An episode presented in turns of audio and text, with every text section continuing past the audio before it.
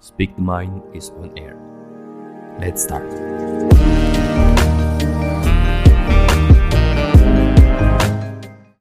Assalamualaikum warahmatullahi wabarakatuh. Selamat pagi, siang, sore, dan malam. Kembali lagi di Melisankan Pikiran, sebuah podcast yang dibuat untuk saling bertukar pikiran tentang suatu hal yang sesekali memang penting untuk kita bicarakan. Pasti bersama aku Evan. Oke, karena ini weekend, makanya aku buat podcast kali ini nggak terlalu panjang, nggak terlalu lebar.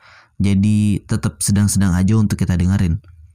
Berhubung tema kita kali ini adalah God's plan is better, sebelumnya aku mau make sure dulu kalau setiap dari kita pasti pernah punya angan-angan atau impian. Entah nanti kalau sudah besar pengen jadi apa, pengen punya apa, atau pengen buat apa.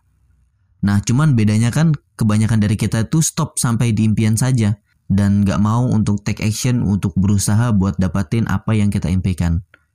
Pernah gak sih dari kalian tuh dengar sebuah teori yang namanya law of attraction atau hukum ketertarikan?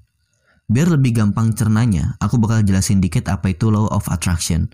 Sebenarnya, hukum ketertarikan atau law of attraction ini bukanlah hukum yang sama kayak hukum gravitasi, tapi lebih ke arah pseudoscience ya. Dalam gerakan spiritual New Thought, Law of Attraction adalah ilmu semu yang didasarkan pada keyakinan bahwa pikiran positif ataupun negatif akan memberikan sebuah pengalaman kepada diri kita positif dan negatif pula.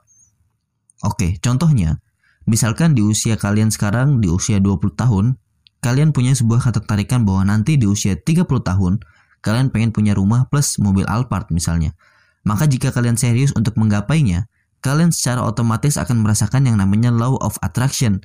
Tanpa kita sadari, Pikiran kita yang terus-menerus ke arah rumah plus Alphard di seusia 30 tahun akan menuntun tubuh kita untuk menggapainya. Poinnya, dalam hukum ketertarikan ini adalah kita harus terus meningkatkan diri kita untuk bisa mencapai atau memenuhi rasa ketertarikan kita terhadap sesuatu. Tapi harus diingat ya, bahwa semua yang udah kita rencanain tetaplah Tuhan yang menakdirkan.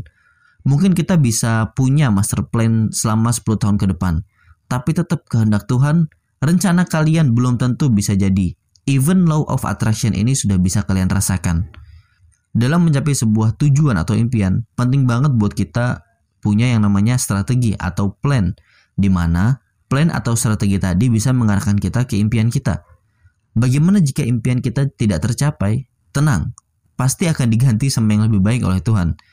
Jadi maksudnya, penekanannya di sini adalah sebaik apa pun keinginan kita, maka keinginan Tuhanlah yang paling bagus – Perpaduan antara usaha dan doa yang bersatu dalam law of attraction pasti akan membuahkan sebuah hasil yang memuaskan.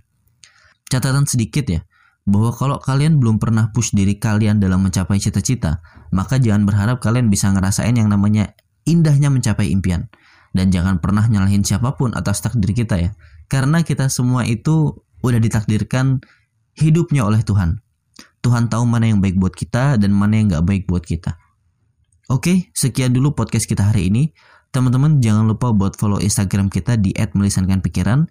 Kalau kalian punya cerita dan mau berbagi, bisa kirim lewat via uh, direct message. Daripada nambah pikiran, mending dibicarakan. Terima kasih atas waktunya. Sampai jumpa. Wassalamualaikum warahmatullahi wabarakatuh.